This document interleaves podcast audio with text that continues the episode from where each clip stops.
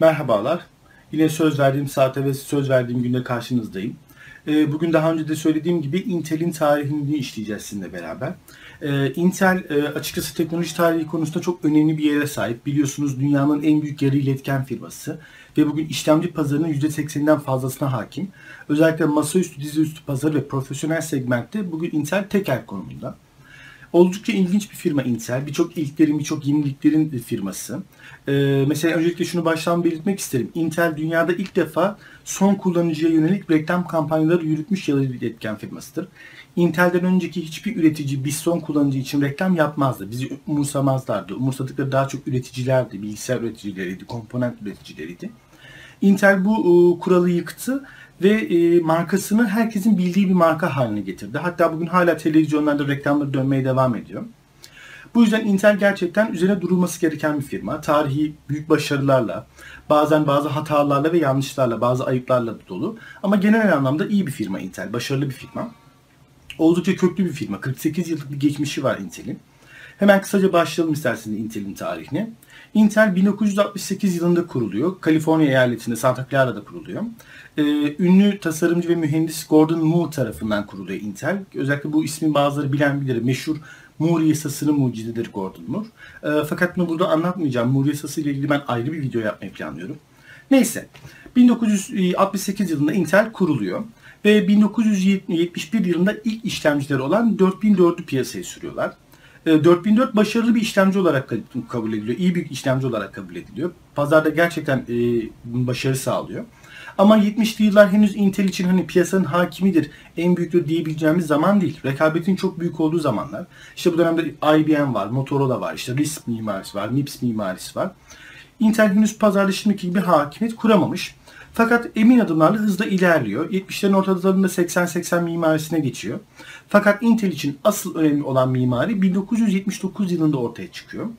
Intel 1979 yılında 8086 işlemcisini pazara sürüyor. Bu çok önemli bir işlemcidir. Çünkü 8086 işlemcisi bugün hala bilgisayarlarımızda Intel ve AMD'nin ürettiği o Pentium'larda, Core'larda, FX'lerde, APU'larda kullanılan işlemci mimarisinin temelini yani x86 mimarisini oluşturuyor. Dediğim gibi 8086 mimarisi çok başarılı ve Intel'in önünü açıyor. Fakat Intel için asıl önemli gelişme ise 1981 yılında oluyor. 1981 yılında deyim yerinde ise Intel'in başına talih kuşu konuyor. Nasıl oluyor? Şöyle oluyor. Ee, o dönem bilgisayar dünyasının en büyük ismi IBM. IBM donanım dünyasının, PC dünyasının ağ babası ve kural koyucusu. IBM ile çalışmak gibi bir e, avantajı elde ettiyseniz yükselirsiniz. IBM size sırt dönerse de batarsınız. Öyle bir dönemden bahsediyoruz. IBM 8086'yı çok beğeniyor ve 8086 serisi işlemcileri kendi PC'lerinde kullanmak istiyor. E şimdi bu talebi e, duyunca Intel yöneticileri takıp sil takıp oynuyorlar. Çünkü IBM pazarın en büyüğü. Büyük balık, balinası.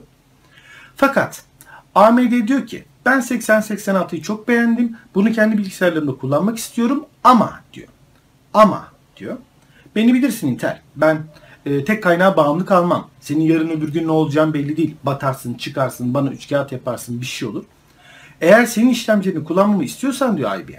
Sen bu işlemcinin lisansını yani üretim haklarını başka firmalara da vermek zorundasın diyor. Hem Intel'in hiç hoşuna gitmiyor. Çünkü Intel ezelden beridir e, lisans vermek konusunda pek cimri bir firmadır. Haklı olarak çok cimri bir firmadır. Ama şimdi ortada IBM gibi bir dev var. Büyük bir müşteri var ve bu müşteriyi kaçırmak istemiyor. Çünkü eğer IBM ile anlaşamazsalar IBM gidecek başkasıyla anlaşacak ve büyük ihtimalle Intel'in önü tıkanacak. IBM istemeye istemeye bu teklifi kabul ediyor. 4 şirkete x86 mimarisinin lisans haklarını veriyor. IBM ve Maxton'a veriyor. Onlar hiçbir zaman x86 üretmiyorlar. Bunun dışında VIA'ya veriyorlar. VIA firması bugün hala var ama onlar daha çok küçük havuzun büyük balığı gibi takılıyorlar. Pazar payları çok düşük. Gömülü sistemlerde geçiyorlar. Orada takılıyorlar daha çok. IBM istemeye istemeye küfür ede ede AMD'ye de lisans vermek zorunda kalıyor. Çünkü o sıralar AMD 1975 yılından beri Intel'in piyasaya sürdüğü işlemcilerin kopyalarını üretiyor. Zaten bu konuda bir tecrübe sahibi firma. AMD'ye de lisans veriyor ve o tarihten sonra AMD artık Intel işlemcilerini kopya olarak değil yasal olarak üretmeye başlıyor. IBM okey diyor. Intel'le anlaşmayı yapıyorlar. AMD ikinci tedarikçi olarak seçiliyor. Ve 1981'den itibaren Intel deyim yerindeyse roketliyor, uçuşa geçiyor. Çünkü artık IBM'i kendi saflarına çekmeyi başarmış. Aynı tarihte başka büyük bilgisayar üreticilerini de kendi saflarına çekmeye başarmış. Intel bu tarihten sonra inanılmaz bir yükselişe geçiyor. E tabi mali gücü arttıkça işlemci teknolojisini arttırmak için de elinden geleni yapıyor ve çok başarılı işlemciler ortaya çıkartıyor. 80-86'nın türevleri çıkıyor. Ondan sonra işte 80'lerin ortalarında 386'lar çıkıyor. 80'lerin sonunda 486'lar çıkıyor. O zamanları bilenler bilir bunlar çok başarılı işlemciler. 90'lı yıllara geldiğimiz zaman Intel artık imparatorluğunu ilan ediyor. Özellikle 1991 yılında Intel artık yarı iletken endüstrisinin en büyük firması, pazar payı en büyük olan firma haline geliyor. Ve tabi Intel bu zirvedeki yalnızlığının rehavetine kapılmıyor hiçbir zaman ve teknolojisini geliştirmeye devam ediyor. 90'ların başında Pentium serisine geçiyorlar. İşte Pentium, NMX'ler falan. Sonra Pentium 2 ve sonra 90'ların sonlarında Pentium 3 çıkıyor. E, bilenler bilir Pentium 3 Intel'in tarihindeki en başarılı işlemci serilerinden biridir. Gerçekten Pentium 3 çok büyük başarı sağlıyor ve Pentium 3 sadece profesyonel de iş aleminde değil masaüstü dünyasında da yayılıyor. O dönemde biliyorsunuz artık Windows 95 gelmiş. Microsoft artık işletim sistemi savaşlarını kazanmış. Intel Microsoft'ta iyi bir işbirliği yaparak pazara olabildiğince yayılıyorlar ve artık işlemci dendiği zaman insanların aklına gelen tek marka Intel oluyor. 2000'lere başladığımız zaman Intel için ilk büyük yol kazası gerçekleşiyor. Ee, bu zamanları bilenler ne demek istediğimi anlamıştır. Intel'in ilk büyük yol kazası Pentium 4'tü. Bazıları Pentium 4'ü çok başarılı zanneder ama gerçekten Pentium 4 Intel'in tarihinin en başarısız iki işlemci serisinden biriydi. Özellikle ilk nesil Pentium 4'ler performans olarak çok kötüydüler. Pentium 3'lerin bile gerisindeydiler. Ve Intel bu dönemde bir bocalama yaşadı. Intel'in başka bir sorun daha ortaya çıktı. Hani anlatmıştım size AMD'ye lisans veriyordu. AMD o zamana kadar genellikle Intel'in işlemcilerinin yasal kopyalarını üretir, arkasından gelirdi. 90'ların sonunda AMD artık isyan ediyor Intel'e. Ben artık senin kuyrukçun değilim diyor. Ben artık kendi mimarimi geliştireceğim, kendi yolundan gideceğim diyor. Ki bu konuyla ilgili detayları AMD'nin tarihi videosunda da izleyebilirsiniz. Orada bir kısmı daha detaylı anlatıyorum ama şimdi şovumuzun yıldızı Intel olduğu için Intel'den gideceğiz. Neyse 2000'lerin başında Pentium 4'te ciddi anlamda bir e, darbe yiyor Intel. Bu da yetmezmiş gibi AMD çok başarılı işlemci serilerini peş peşe piyasaya sürmeye başlıyor. İlk Athlon'lar çıkıyor, FX'ler çıkıyor. Ondan sonra Athlon 64'ler çıkıyor. AMD ilk defa gerçek 64 bit destekli işlemciyi piyasaya sürüyor. Intel buna başta karşılık vermekte çok zorlanıyor. İşte kıvranıyor ne yaparım ne ederim gibisinden. Ama sonra mecbur paşa paşa gidiyor 2003 yılında AMD'den x86 64'ün yani 64 mimarisinin lisans haklarını satın almak zorunda kalıyor. Intel bu dönemde bocalarken işleri birazcık daha illegale yakın bir noktaya getirmeye başlıyor. AMD ile performans anlamında başa çıkamayacağını anlayınca bu sefer üreticilere baskı yapmaya başlıyor Intel. Aba altından sopa gösteriyor diye biz kibarca söyleyelim aslında bariz tehdit ediyor. O dönemin anakart üreticilerine Intel diyor ki eğer AMD'ye anakart üretirseniz benimle çalışamazsınız diyor. Ve birçok büyük firmayı sindiriyor. O dönemki Asus gibi, Gigabyte gibi firmaları sindiriyor. Ve onlar açıktan açıktan AMD anakartı üretemiyorlar. Fakat Asus gizli gizli anakart üretmeye devam ediyor. Bunun da detaylarını AMD'nin tarihinde anlatmıştım. Daha sonra AMD'nin imdadına Nvidia yetişiyor. Efsanevi Enforce chipsetli anakartlar piyasaya sürülüyor. Ve AMD pazarda bir anda büyümeye başlıyor. Ve Intel'i bir panik kaplıyor. Intel de bu dönemde ne yapsın garibim? İşte bir şekilde Pentium 4'ü toparlamaya başlıyor. İşte soketini değiştirtiyor. İleride işte ona Hyper Trading ekliyor. İşte 775 bine geçiriyor falan. Ama AMD bu dönemde almış yürümüş artık. İşte Athlon'lar, Athlon 64'ler. Ondan sonra Intel tam durumu toparladığım son nesil Pentium'e derken AMD meşhur Athlon 64 X2 serisini piyasaya sürüyor. AMD dünyanın ilk doğal çift çekirdekli işlemcisini pazara sürünce Intel panikle tarihinin ikinci büyük hatasını yapıyor. Bu hata Pentium D. Ben bu işlemciye çok küfür ettim ama benim gibi zamanda kullananlar da bu işlemci ne kadar berbat bir işlemci olduğunu bilirler. Intel AMD'ye yetişeceğim paniğiyle gidip Pentium D diye bir işlemci ailesi çıkartıyor piyasaya. Bak bu da çift çekirdekli, benimki daha iyi, şöyle böyle diye. Ama bilenler aslında Pentium D'nin çift çekirdekli bir işlemci olmadığını biliyorlar. Şimdi AMD'nin Athlon 64 X2'leri dediğim gibi gerçek doğal çift çekirdek. Birleştirilmiş iki çekirdek. İşte ortak kaynak kullanımları var. Ortak bellekleri falan var. Ama Pentium D aslında bir yonganın üstlerine iki tane Pentium 4 işlemcisinin konulmuş hali. Ve hiçbir ortak kaynakları da yok. Aynı sokete takılmaları düşünde. Ön bellekleri bile ayrı. Çünkü işte o dönemki AMD işlemcilerinin ön bellekleri işte 2 MB, 4 MB diye tanıtılırken Intel'inkiler 2 çarpı 1 MB olarak tanıtılıyordu. Çünkü ön bellekler de ayrıydı. E doğal olarak Pentium D serisi hiçbir zaman gerçek çift çekirdekli olarak çalışmadılar. Ve hep eleştirildiler. Ben de 2-3 yıl kadar kullandım bu işlemciyi. Bir kere çok ısınan bir işlemciydi. Hani boştayken, boş, boşta dururken 40-45 derecelerdeydi. Ortalama bir yükle hemen 55-60 dereceleri çıkıyordu. Hız aşırtma zaten hiç yapamıyordunuz. Ben hayatımda ilk defa harici soğutmayı Pentium V820 kullanırken alıp kullanmak zorunda kaldım. Çünkü berbat bir işlemciydi. Çok ısınıyordu. Neyse Intel teknoloji konusunda artık AMD'nin bayağı gerisinde kalmaya başlayınca ki bu arada AMD de pazar payını ciddi anlamda büyütüyor ve artık üreticiler, işte anakart üreticileri, işte Yonga üreticileri falan Intel'in tehditlerini takmıyorlar. Intel'e diyorlar ki tamam kardeşim ben sana artık anakart üretmem. Orada aslanlar gibi AMD var. AMD'ye üretiyorum diyor. Herkes Intel'e rest çekmeye başlıyor. Intel bir taraftan mimarisini geliştirmeye çalışırken öbür taraftan da başka yine ahlaki olmayan yollar seçmeyi deniyor devlere diş geçiremeyeceğini anlayan Intel bu sefer daha küçüklere doğru e, odaklanmaya başlıyor. Lokal üreticiler, ülke bazında üretim yapan firmaları işte biraz tatlı dille, belki biraz rüşvetle, bazen de biraz tehditle kendi işlemcilerini kullanmaları ve AMD'den uzak durmaları yönünde telkinde bulunuyor. Bunun dışında ithalatçılar, distribütörler ve teknoloji mağazalarında da benzer numaralar yapıyor Intel e, işte bazı firmalar diyor ki sen işte benim ürünlerimi ön plana çıkartırsan işte AMD'ninkileri rafın böyle diplerini atarsan ben sana işte iskonto yaparım, sana iyilik yaparım, işte kar marjını yükseltirim gibisinden. Biraz hoş olmayan yöntemler deniyor. Ve tabi bu yöntemler o kadar ayyuka çıkıyor ki kaçınılmaz bir şekilde AMD Intel 2005'te dava ediyor. Haksız rekabet oluşturduğu gerekçesiyle. Dava çok kısa sürede sonuçlanıyor çünkü kanıtlar ayan beyan ortada. Bu yüzden de Intel AMD'nin karşısında suçlu bulunuyor ve AMD'ye yanlış hatırlamıyorsam 3,5-4 milyar dolar civarında çok ciddi bir tazminat ödemek zorunda kalıyor. Bu olaydan sonra Intel yöneticileri bir araya geliyorlar. Ne yapalım ya biz bu iş pislikte olmuyor ya da nasıl çözeceğiz diyorlar. Sonunda şuna karar veriyorlar. Madem biz rakibimizi yeneceksek temiz oynayalım. Gücümüzü, paramızı, bütün birikimimizi ortaya koyalım ve rakibimizi ezip geçelim diyorlar. Ve 2005'ten sonra Intel teknoloji yatırımlarını çok büyük oranda arttırmaya başlıyor. Bu sıralarda da AMD hani aşırı hızlı büyümenin de getirdiği bir rehavetle çok agresif hamleler yapmaya başlıyor. İşte kendi Yonga üretim tesislerini üretim kuruyor. İşletemiyor, beceremiyor onları. İşte o sırada işte önce Nvidia ile bir flört ediyorlar. Sonra o iş olmuyor. Ati'yi satın alıyorlar. Ekran kartı pazarına giriyorlar. Fakat bu dönem AMD'nin çok ciddi anlamda sarsıntıya girmeye başladığı dönem. Özellikle 2006'dan sonra AMD e, ciddi anlamda sarsılıyor ve daha kendilerini daha bu yıl yeni yeni toplamaya başlıyorlar. Hazır rakipleri de bocalamaya başlamışken Intel vites yükseltiyor, gaza basıyor. Rivayet edilene göre e, Intel'in masaüstü departmanının tamamını lav ettiği ve bütün işleri mobil departmanına e, devrettiği söylenir. Çünkü o dönemde gerçekten Intel masaüstünde pek iyi durumda değildi ama mobildeki durumu gayet sağlamdı. Büyük ihtimalle bu stratejinin de faydalarını görmeye başladı Intel. 2006 yılında Core mimarisine geçti. Bugün hala devam eden Core mimarisine. Ama yine işin özünde x86'dayız hala.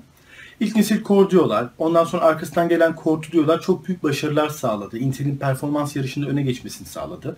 Pazar payını da öne geçmesini sağladı. Özellikle bilen bilir bu Core diyor serisinde E8400'ler, E8700'ler.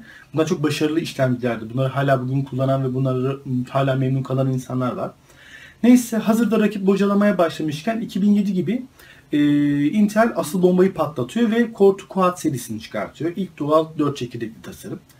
Core Quad serisiyle Intel artık performans konusunda liderliği iyice öne geçiriyor.